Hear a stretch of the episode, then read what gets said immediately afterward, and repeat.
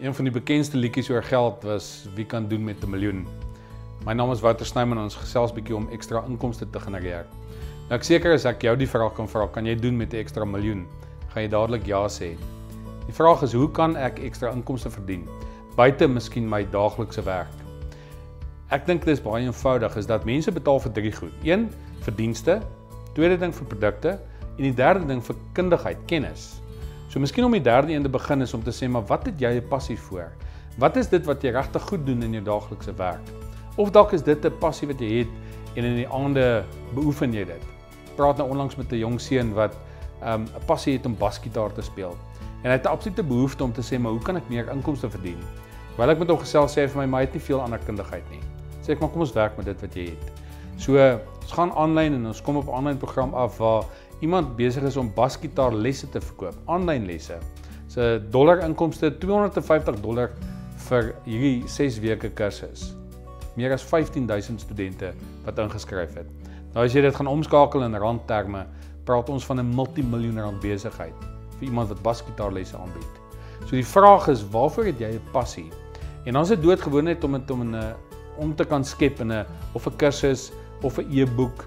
Deesdae is dit die maklikste ding om 'n e-boek op Amazon te laat um, verskyn. Jy moet doodgewoon net iemand kan kry wat dit vir jou gaan tik. Dit gaan bietjie verhandel om in 'n uh, netjies boek te kan sit en jy kan dit aanlyn sit binne 'n paar minute. En dis die voordeel van tegnologie. Elkeen van ons het 10 teen 'n uh, of 'n slimfoon, iPhone of wat dit ook al mag wees in jou sak.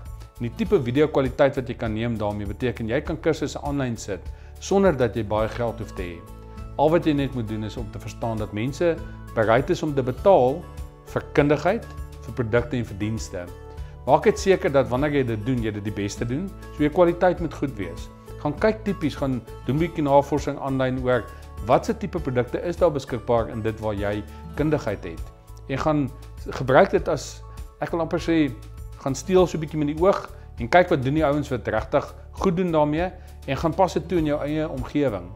Daar's daagliks mense met wie ek gesels wat die vermoë het om vir homself addisionele inkomste gaan skep.